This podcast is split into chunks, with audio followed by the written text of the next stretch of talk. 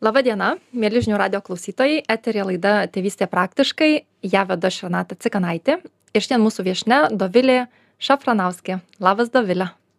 Labas Renata, sveiki visi klausantis.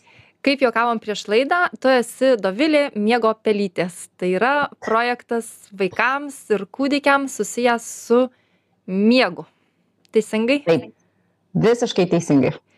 Ar gali papasakoti, nuo ko prasidėjo tavo pačios uh, miego istorija arba tikriausiai labiau tai buvo orientuota į tavo dvynukių miego istoriją, teisingai?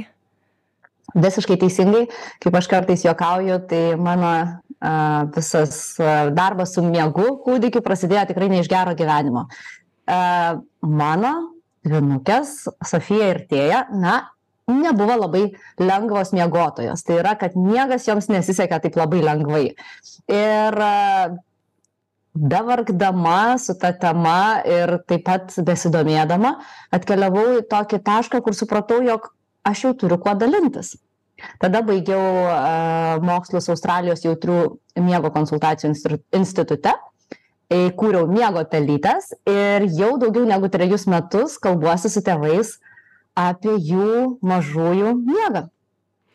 Atrodo, kas ten gali būti sunkaus užmigt ane? Nu taigi pavargęs atsigulei ir miegi.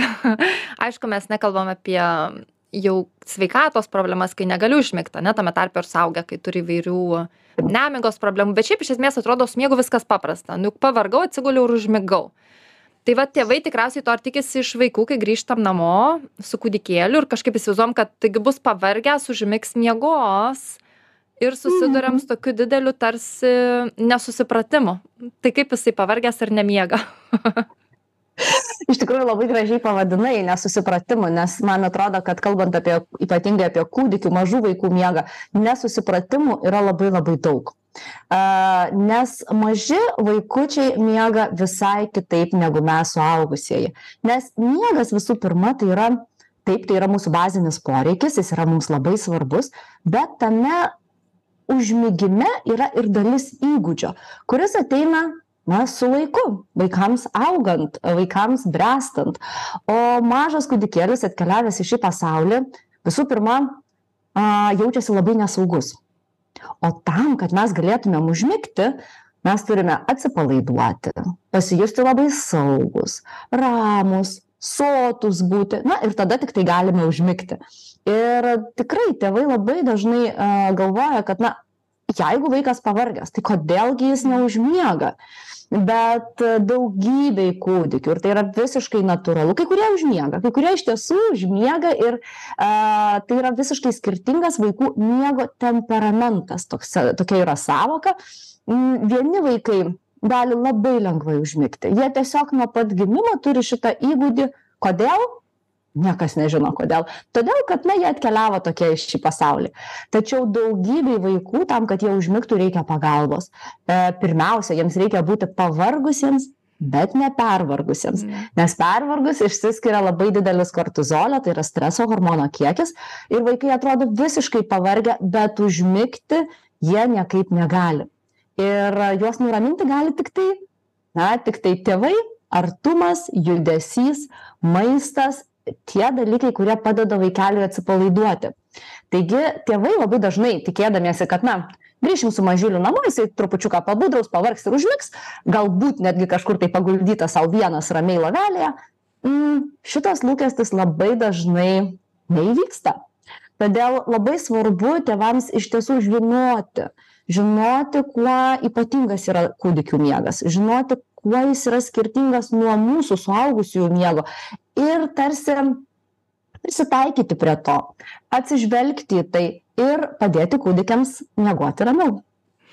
Čia dažniausiai kūdikių miegas tai yra tas laikas, kur mes tėveliai galvom, kad na va tada aš galiu pailsėti arba kažką pasidaryti ir tas miegas yra toks labai svarbus mums taip pat emociškai ir psichologiškai, nes aišku gerai, kad vaikas miega, nes jisai ir gilsisi, bet mums tai taip pat tarsi įdena tokio įneša vat saugumo kaip tu sakai kad kūdikėlis užmigtų turi būt atsipalaidavęs. Ir mes tarsi tėvystėj irgi turime būti atsipalaidavę nes mes žinome kad yra tas vaikų miegas. Ir kai jisai neištinka arba kai sudėtingas arba kai vaikai neužmiega mes nebeturim net kada taip elementariai pasilsėt atrodo. Tai vat ką būtina žinot tada apie tą miegą ir kaip kaip prisijaukinti miegą kaip galbūt negalime visko iki galo sukontroliuot bet kaip padėti vis tiek mūsų vaikeliams užmigti Mhm. Pirmiausia, turbūt pradėtumčiau nuo to, kad mes um, turėtumėm neprisirišti prie labai daug taisyklių, kas liečia miegą. E, taip, aš žinau, kad internetas yra pilnas tobulų dienotvarkių, vieno mėnesio kūdikiui, trijų mėnesių kūdikiui ir taip toliau, bet labai dažnai tos dienotvarkės yra teorinės, jos nėra pritaikytos mūsų konkrečiam kūdikiui, va ta, kuris, tam, kuris čia pas mus ant rankų guli. Ne? E, tikroji informacija apie mūsų kūdikį ateina iš paties kūdikio. Tai yra, pirmiausia, mes turėtumėm žinoti, išmokti ir stebėti nuovargio ženklus. Yra, kaip ir, kaip ir minėjau, tas, kad eitų kūdikėlis miegoti, kai jis yra pavargęs, bet dar nepervargęs. Ir tie nuovargio ženklai taip yra kažkokių universalių ir verta apie juos paskaityti ir pasidomėti, bet didžioji dalis yra labai unikalūs būtent mūsų kūdikiui. Ir kartais tėvai tikrai sako, kad po vieno žiovulio tai dar neinam miegoti, bet jau po trijų jau žinau, kad vat, mano vaikui čia yra pats geriausias laikas miegoti. Taigi, vėlgi, taip, paskaityti verta, bet pasitikėti labiau savim ir tuo, ką matom stebėdami kūdikį. Taip pat dirbti su lūkesčiais. Ką mes e, kartais irgi paskaitę turim tokių labai didelių lūkesčių kad štai mm, kūdikėliai ypač naujagimiai jie turėtų tik valgyti miegoti ir dar tuštintis kad vat sauskelnes pakeisim ane? Bet iš tikrųjų e, vaikučių yra labai labai skirtingų. Ir lygiai taip pat yra nu natūralu ir visiškai sveikas kūdikis pavyzdžiui mėnesio gali miegoti po dvi tris valandas vieno miegelio. Ir lygiai taip pat natūralu kūdikis vieno mėnesio pavyzdžiui miegantis po dvidešim trisdešim minučių trumpus miegelius. Ir vienas ir su vienu kūdikiu viskas yra gerai ir su antru kūdikiu viskas yra gerai. Tiesiog jie yra labai labai skirtingi dar vienas dalykas kurį svarbu a žinoti kad miegas labai dažnai yra tik simptomas. Ką aš turiu galvoje? Tai yra kad kai kūdikiai kūdikiams sunku miegoti mes neturėtumėm atsakymo ieškoti tiktai mie dienotvarkėse rutinose kaip užmigdyti metoduose bet apskritai vaiko sveikatoje. Pavyzdžiui jeigu vaikelį kankina refliuksas jeigu kankina alergijos kažkokios pilvuko reik kažkokie pūtimai mes negalim tikėtis kad jisai ramiai miegos mes turim pirmiausia pradėti spręsti visiškai tą kitą situaciją kuri galbūt neramina vaikelį. Jeigu vaikelis patyrė labai daug įspūdžių kažkur keliavom buvo labai aktyvi diena gal buvom pas gydytoją vėlgi vaikeliui labai sunku atsipalaiduoti ir miegoti. Dar vienas lūkestis kad vaikai na vėlgi kaip kaip ir pati paminėjai mes labai suplanuojam daug dalykų ką mes nuveiksim kol vaikai miegos. Mes ir susitvarkysim ir valgyt padarysim ir ten ir gyvenimą nugyvensim. Ir tada ištinka gyvenimas e, kad kūdikis pavyzdžiui nori miegoti tik prie mamos arba tik prie tėčio arba apskritai tiesiog kūniškam kontakte. Ir tada mes vėlgi pradedam galvoti tai kas negerai su tuo mano kūdikiu ogi viskas gerai. Tiesiog mūsų lūkestis kad kūdikis miegos vienas kažkur paliktas lovelėje na šitam kūdikiui netinka. Tai vėlgi vat labai svarbu mm, pasidomėti ir tarsi išplėsti normalumo ir natūralumo ribas kad ne neužstrigti ties kažkokiu tai labai siauru normalumu nes labai tikėtina kad mūsų kūdikis galbūt nepaklius į į tuos į tuos rėmus ir tada mes patys sau sukelsime labai daug a įtampos tiesiog. Aš klausydamasi tavęs pagalvojau kad tas posakis nežinau kokios jisai kilmės bet kad gyvenk kad gyventi laimingu reikia gyventi pasislėpus berods kažkaip va taip išsiverstų. A tai yra apie tai kad na vat vyksta kažkas šeimoje ir viskas tuo gerai vat nežinau netradiciškai miega vaikas bet nu miega netradiciškai miega taip kaip jam miegasi bet miega arba miega tik su manim arba miega kad tikrai tik be manęs arba miega nešiojamas arba miega dar. Ir kol mes tarsi gyvenam pasislėpę su tuo bet bet bet n normaliai viskas vyksta. Vaikas išsimiega jo būdu. Tai viskas gerai bet kai mes išeinam pasidžiaugt su tuo į viešumą ir mes staiga suvokiam kad o tai ne taip turi miegoti ne tą valandą ne tuo laiku ne toj pozoj ne žiūrėdamas į rytus o į vakarus ir tada pasidaro baisu nes tos laimės ir to vat džiaugsmo pasislėpus gyvent nebelieka nes išneštas į viešumą jisai tarsi subliūkšta nes tada mes suprantam kad oi ne čia neati neatitinka visiškai jokių kriterijų ir ne taip turėtų būti. Iš tiesų visiškai teisingai. Ir uh, ypač miegas. Man atrodo, kad apie miegą arba apie tai, kaip turėtų vaikai miegoti, tai nuomonę turi visi. Visi, įskaitant, nežinau, taksi vairuotojus, jeigu jūs kažkur važiuosite, absoliučiai visi kažką tai žino apie vaikų miegą. E, ir dar yra toksai fenomenas, kurį aš vadinu vienos mamos istorija. Tai yra, kad mamos, kurių vaikai, na, joms tiesiog taip sutapo dėl kažkokių priežasčių, kad atkeliavo tokio labai ramaus temperamento vaikelis, ramiai miegantis ir uh, tada jos mano, kad tai yra jų nuopelnas. Ir dažnai išeina su ta istorija į viešumą, uh, sakydamas, pavyzdžiui, uh, Tik tada, jeigu nuo pat gimimo guldai į lovelę, griežtai ir neįmė ant rankų, va tada tai va taip vaikas miega a, gerai gali būt kitokia ta istorija bet jos dažnai yra pateikiamos labai kategoriškai kaip tiesiog viena būtina tiesa kuri turėtų veikti ne tik tos mamos kūdikiui bet ir visiems apskritai kūdikiams Aš kaip miego specialistė labai dažnai girdžiu tokias istorijas, kad, na, mamoms tikrai pasakoma yra, tu šitaip turi daryti, kitaip turi daryti. Ir mamos kartais bando tai daryti, bet jų kūdikiams tai netinka. Mhm. Ir tada, kur mes atsidurėme, mes atsidurėme dar daugiau, e, tokiam, tarsi dar daugiau streso. Um, ir va taip teisingai darau ir mano kūdikis va taip teisingai nereaguoja. Ką aš darau blogai? Su šitu klausimu pas mane ateina turbūt na, 80 procentų tėvų, jie kreipiasi konsultacijos sakydami, mes kažką tikriausiai blogai darom. Nes mūsų vaikas nemiega taip, kaip turėtų juk jaučiat kiek šitam sakiny yra na tokių teiginių labai labai kategoriškų tai labai dažnai kalbam iš tikrųjų apie lūkesčius apie tai kodėl visuomenė turi vienus ar kitus lūkesčius kūdikių miegui iš kur jie ateina galbūt ir apskritai kodėl tai kaip kūdikis miega gali būti visai tam kūdikiui tinkama nors atrodo kad jis miega ne taip kaip turėtų. Primenu mūsų klausytojams kad kalbamės su dovile šafranauske apie miegą šeimose su mažais vaikais. Ir tavęs klausydamasi pagalvojau kai tu sakei apie lūkesčius kad turim lūkesčių tai pagalvojau kad nu jo čia panašiai kaip iš gimusio kūdikio sakytumėm nu mes visaip ten jį treniruojam bet jis dar nevaikšto. Ką mes blogai darom? Kojas tai turi? Mes treniruojam kiekvieną dieną ten tas kojas lankstom bet jisai nevaikšto. Tai panašiai su miegu tik atrodo miegas toks kad užmigtumėm ko reikia iš esmės. Reikia kad kad būtų kažkoks kūnas ane kuris užmiega bet mes tarsi nematom kad viduje to kūno vis tiek turi būt tam tikras pribrendimas ir miegui ir užmigimui ir atsipalaidavimui ir atsisveikinimui su tėvais ir susivokimas kad nepranyks viskas kai užsimerks akys ir kad vėl aš visa tai vis tiek reikia tam tikros ir fiziologiniai procesai turi vykti bet taip pat ir viduje tarsi nu pribręstam po truputėlį tam.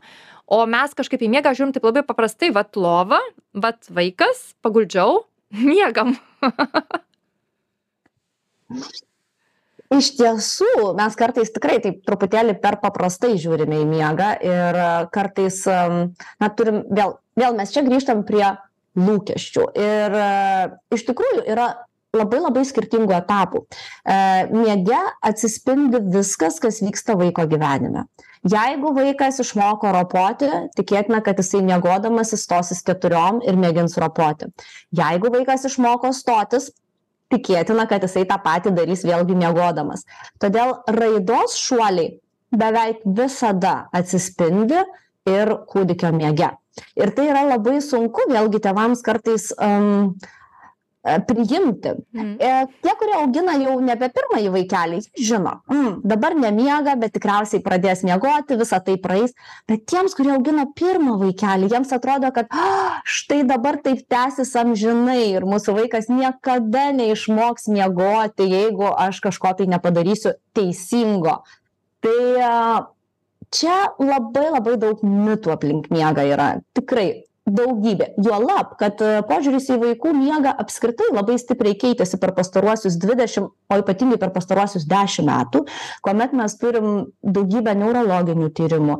A ir vėlgi tie lūkesčiai em labai yra pakoreguoti net ir mokslininkų tyrinėjančių miegą. E jeigu anksčiau buvo teigiama kad tarkim na šešių mėnesių kūdikis jau turi. Ir tai buvo tikrai parašyta ne vienoj knygoj ne vienam straipsny ir ir daug daug šaltinių kad jis jau turi išmiegoti visą naktį kas e, vėlgi ta naktis būdavo maždaug apie dešim valandų. Tai šiandieną teigiama kad toks lūkestis yra fiziologiškai ap na praktiškai neįgyvendinamas kūdikiui. Tai am tą irgi labai labai svarbu žinoti. Ir kuomet aš tėvams am rekomenduoju kažkokias knygas arba skaityti straipsnius visuomet atkreipiu dėmesį. Neskaitykite nieko arba skaitykit labai atsargiai apie kūdikių miegą kas parašyta anksčiau negu prieš dešim metų. Nes tiesiog požiūris labai labai labai stipriai pasikeitė o tai kaip tada reaguoti į tas visas kitas vat istorijas iš šono? Ane tu sakai iki kokių devynių dešim mėnesių nerealu tikėtis kad vaikas išmiegos ir staiga ir ne tai kad išsigalvoja nemeluoja bet tikrai vat šalia gyvena šeima ir sako mes grįžom iš į namus iš ligoninės ir nuo antros paros vaikas miega nu ne po dešim valandų bet vis tiek nu tai da daug miega daug.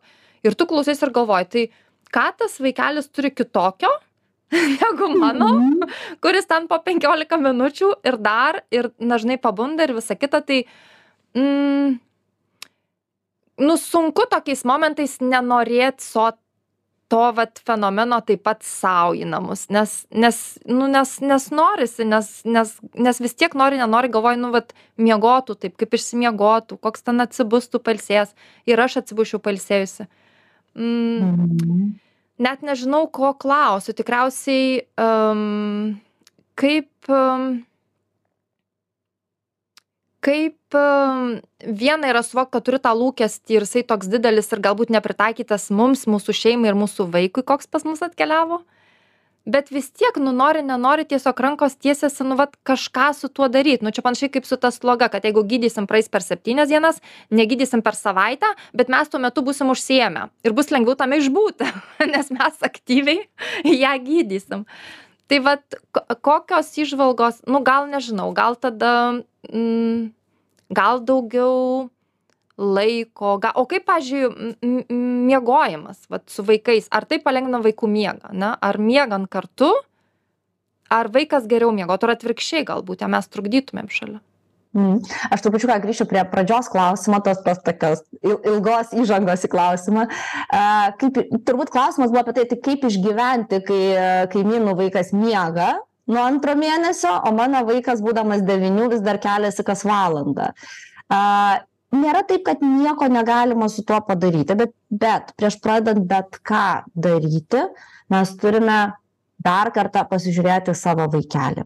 Nes mūsų visų tiek vaikų tiek suaugusių neurologinės sistemos yra skirtingos. Mūsų jautrumo lygis yra skirtingas. Todėl mes turime pasižiūrėti na su kuo mes gyvename kaip mes gyvename na. Kitas momentas taip pat labai svarbu paklausti ir savęs kiek aš na kiek aš esu pasiruošusi kažką daryti nes tikrai kartais būna tos situacijos kad na užtenka tėvams tiesiog normalizuoti lūkesčius ir ties tuo mes galime na toliau sėkmingai gyventi kartais tikrai to užtenka Toliau. Arba, atsiprašau, kartais galbūt mhm. taip pat užtenka, pažiūrėjau, suvokti, kad uh, tu išeini po konsultacijos ir susivoki.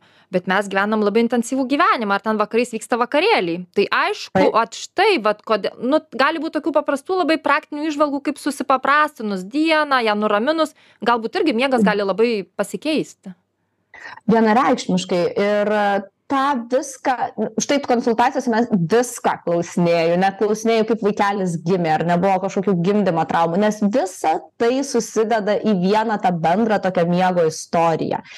A ir grįžt tai tiesiog labai labai yra mes esam visi labai labai skirtingi ir tą suvokus kartais būna lengviau išgyventi mm, tą jausmą na kad mm, ten yra tas kitas vaikas kuris kuris labai gerai miega. Ir visuomet visuomet nemiegančiam kūdikiui visuomet tenka aplinkoje bent kokie du labai gerai miegantys kūdikiai na tiesiog kad tam kad tėvai tėvams nebūtų taip lengva o iš tiesų tai dauguma, nu, kaip didesnė dalis vaikų miega, kaip čia įvardinus, uh, lengviau. Ta, ta, ta, ta dalis vaikų, kuriai, kuriai sunku miegoti arba sunku užmigti, yra vis dėlto mažesnė dalis. aš sakyčiau manau kad taip bet tokių tyrimų niekada nedariau bet tai kaip a, labai daug priklauso ir nuo to kokius mes turim lūkesčius. Nes kažkas turi lūkestį kad a, vaikai turi miegoti taip kad jie keliasi kas valandą. Ir tos mamos kūdikis keliasi kas valandą ir jin sako visiškai gerai miega keliasi kas valandą taip kaip ir sakiau. O kažkas turi lūkestį kad taip mano kūdikis turėtų nesikelti visą naktį dešim valandų išmiegoti. Ir staiga kūdikis neišmiega ir tai yra labai sunku tada nes neatitinka mūsų lūkesčių. Tai čia visą laiką kaip ir gyvenime tai yra tos mintys kurias mes galvojame tada kada kūdikis nemiega. Ar mes galvojame kad tai kas vyksta yra blogai ar mes galvojame kad tai kas vyksta na tikriausiai yra normalu natūralu ir aš galiu prie to prisitaikyti galbūt rasti kitą a, laiką kada aš pailsėsiu tam kad aš galėčiau funkcionuoti ir galėčiau gyventi. A, grįžtant prie klausimo apie tai ar apie miegojimą kartu. Labai dažnai vėlgi miegojimas kartu pateikiamas kaip panacėja nuo visų ligų. A, jeigu miegosi kartu su kūdikiu tai kūdikis miegos gerai. Na arba ramiai arba kaip čia mes kokius čia mes žodžius pavartosim. Ilgai. ilgai bet ir vėl net ir miegojimui šalia mes turime daugybę a, skirtingų situacijų. Pirmiausia tai yra ne visiems kūdikiams tikrai ne visiems kūdikiams labiausiai patinka miegoti šalia mamos. Kai kuriems kūdikiams jie gera gerai miega tada kada jiems yra vėsiau pavyzdžiui.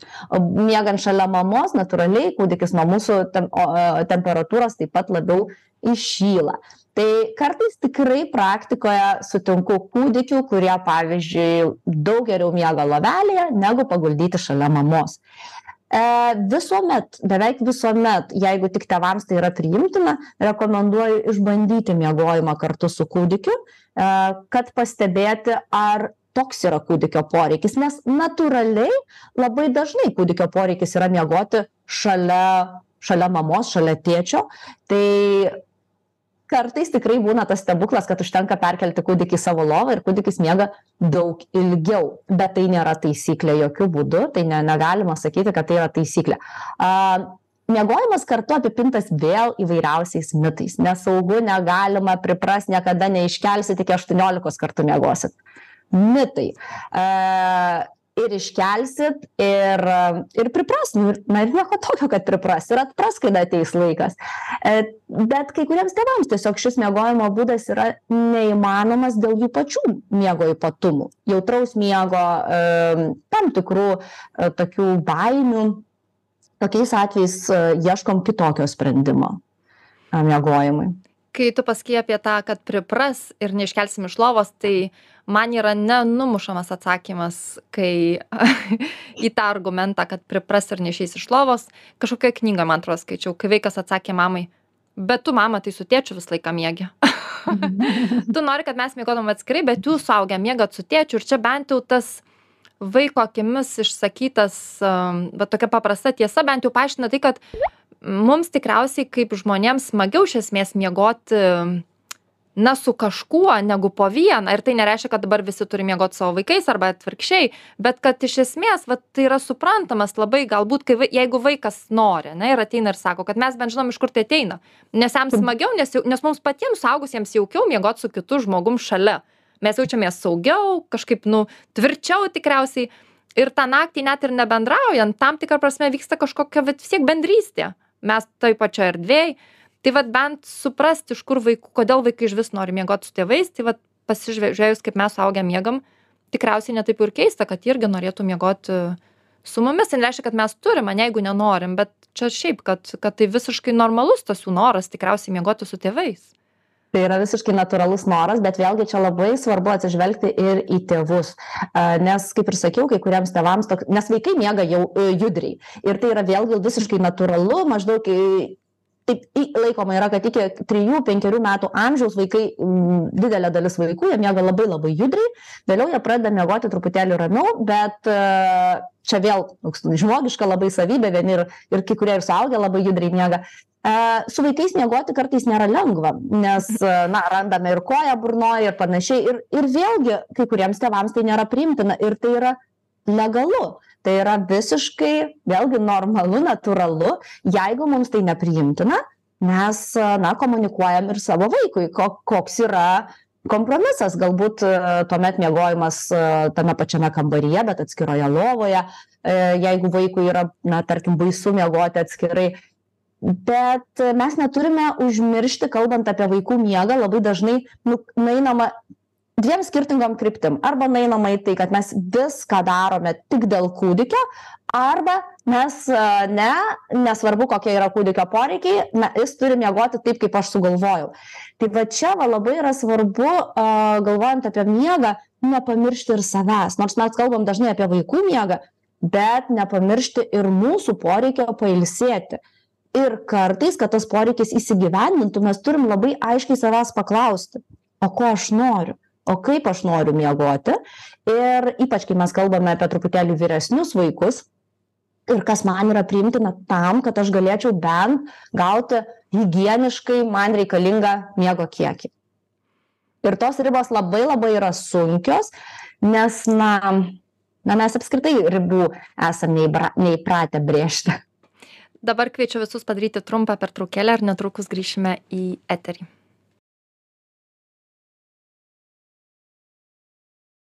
Grįžtam į eterį su laida tėvystė praktiškai.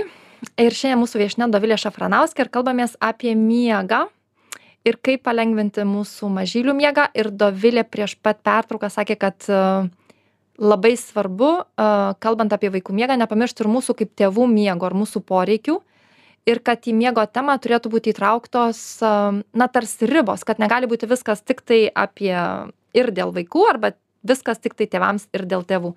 Tai kaip tas ribas miego temoj iškomunikuot ir ir nuo kada? Mes labai daug kalbėjom apie mažus mažus kūdikėlius bet jeigu pavyzdžiui pakalbėtume apie vyresnius vaikus kai jau bre branda miegui yra įgyta kai vaikai jau miega ir turi miego įgūdžius ir nežinau jiems keturi penki šeši metukai yra vis tiek tam tikri dalykai kurių tikriausiai norėtumėm kad vaikai išsimiegotų kad eitų miegot anksčiau o ne vėliau kad vat kai nuo nuo kada pradėti pokalbį tikriausiai miego tema ir kaip išlaviruoti vat tarp vaikų ir tėvų miego poreikių aš sakyčiau kad pokalbius miego tema reikėtų pradėti labai labai anksti.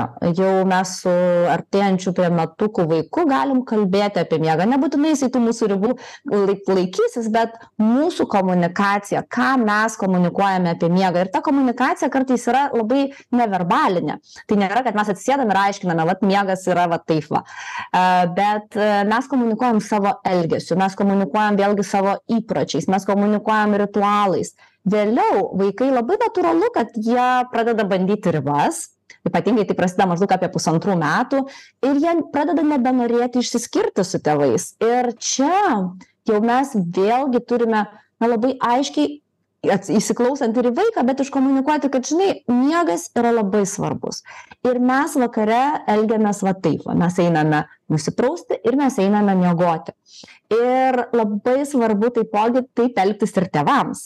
Turiu galvoje kad labai dažnai tėvai bando vaikams įskiepyti kažkokius labai gerus miego įpročius.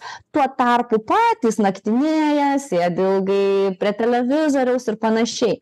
Ir vaikui atsiranda labai stiprus disonansas o tai kodėl aš turiu miegoti jeigu aš akivaizdžiai matau kad tėvai dar ruošiasi nežinau serialą žiūrėti na arba dar kažką tai veikti. Ir tai nėra vėl tai nėra blogai mes galim ir tuos serialus žiūrėti bet a aš kalbu apie tą tokį ribos išlaikymą. Ir vėlgi atsiranda labai dažnai e, vadinamas miego nukėlinėjimas kai vaikai sako aš dar norėčiau banano dar to meškiuko dar su šuniuku atsisveikinti.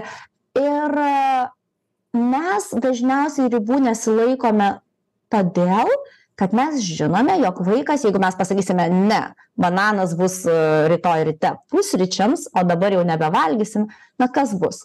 Vaikas verks. Mes labai dažnai bijome emocijų a miego laike va vakare. Patys esam pavargę bet daug stipresnė yra baimė kad vaikas dabar išsiverks ir dėl to prastai miegos. Tačiau realybė yra dažniausiai visiškai kitokia tada kada mes labai aiškiai su vaiku susi susitariame ir kai mes laikomės miego ribų. Vaikai tiesiog nustoja jas bandyti nes e, vaikai niekada nedės energijos ten kur jie žino kad nebus tos ribos išstumdytos. Ir kitas dalykas jeigu nubrėžus ribą vaikui yra poreikis išverkti paleisti emocijas reiškiasi jam to ir reikia. Todėl verksmo prieš miegą visiškai nereikia bijoti kaip tik netgi labai dažnai tai yra būdas vaikams iškrauti viską kas jiems susikaupė per dieną nurimti grįžti į balansą ir kaip tik ramiau miegoti. Todėl labai labai skatinčiau ir tikrai palaikyčiau tėvus kurie turi aiškias ribas miego me poilsio laiku besiruošdami miegoti. O ką atsakyti vaikui, kai vaikas sako, bet mama, tu dar neįsimiegoti, arba tėtė, tu dar neįsimiegoti, ir ką tu ten darysi apačioj? Aha, kažką žiūrėsi, arba ten, kad ir dirbsi, ne, bet būsi prie ekrano. Ką, ką, ką sakyti vaikui, kaip aiškinti, kad, nu, kaip ir ribos yra, bet ne visiems, ne, arba ne visiems vienodos. Ir mes galime kalbėti apskritai, čia dar atskira tema, mes su vaikais labai mažai kalbame apie tai, ką miegas duoda mūsų kūnui. Ir kodėl jam, jo mažam augančiam kūnui, miego reikia daugiau. Ir kartais netgi prisipažinti, kad, žinai, aš irgi gal neturėčiau sėdėti prie ekrano, bet šiandieną yra kažkokia tai diena, na kažko nepabaigiau ir aš padarysiu išimti. Bet be proto svarbu su vaikais kalbėti, kas atsitinka, kai jie miega kad stiprėja jų imunitetas kad ilsisi jų nervinė sistema kad ilsisi jų kūnas kad auga. Nes apie tai mes pamirštame vaikams papasakoti vaikiškai taip kaip jie supranta.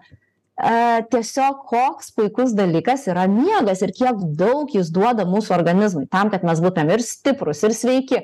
Na tokie kokie vaikai labai nori būti ir augtumėm tai a natūralu kad e, augančiam organizmui to miegelio reikia daugiau negu mūsų suaugusiųjų organizmui. Apie tai taip pat turime kalbėti su vaikais. Kodėl taip yra? Nebijoti kalbėtis su vaikais dar viena puiki tema miego tema praplatinti žodynui ir ne tik ir apskritai diskusijai ir vertybių išsiaiškinimui kas mums vertinga kaip šeimoje ką mes kaip mes norim gyvent kaip mes miegam ačiū tau dovile už pokalbį. Ačiū visiems klausytojams už dėmesį ir laiką. Sakau iki kitos savaitės. Laidos pakartojimą galite žiūrėti internetinėje svetainėje žinių radijas taškas lt. Ir sakau visiems iki. Ačiū labai. Iki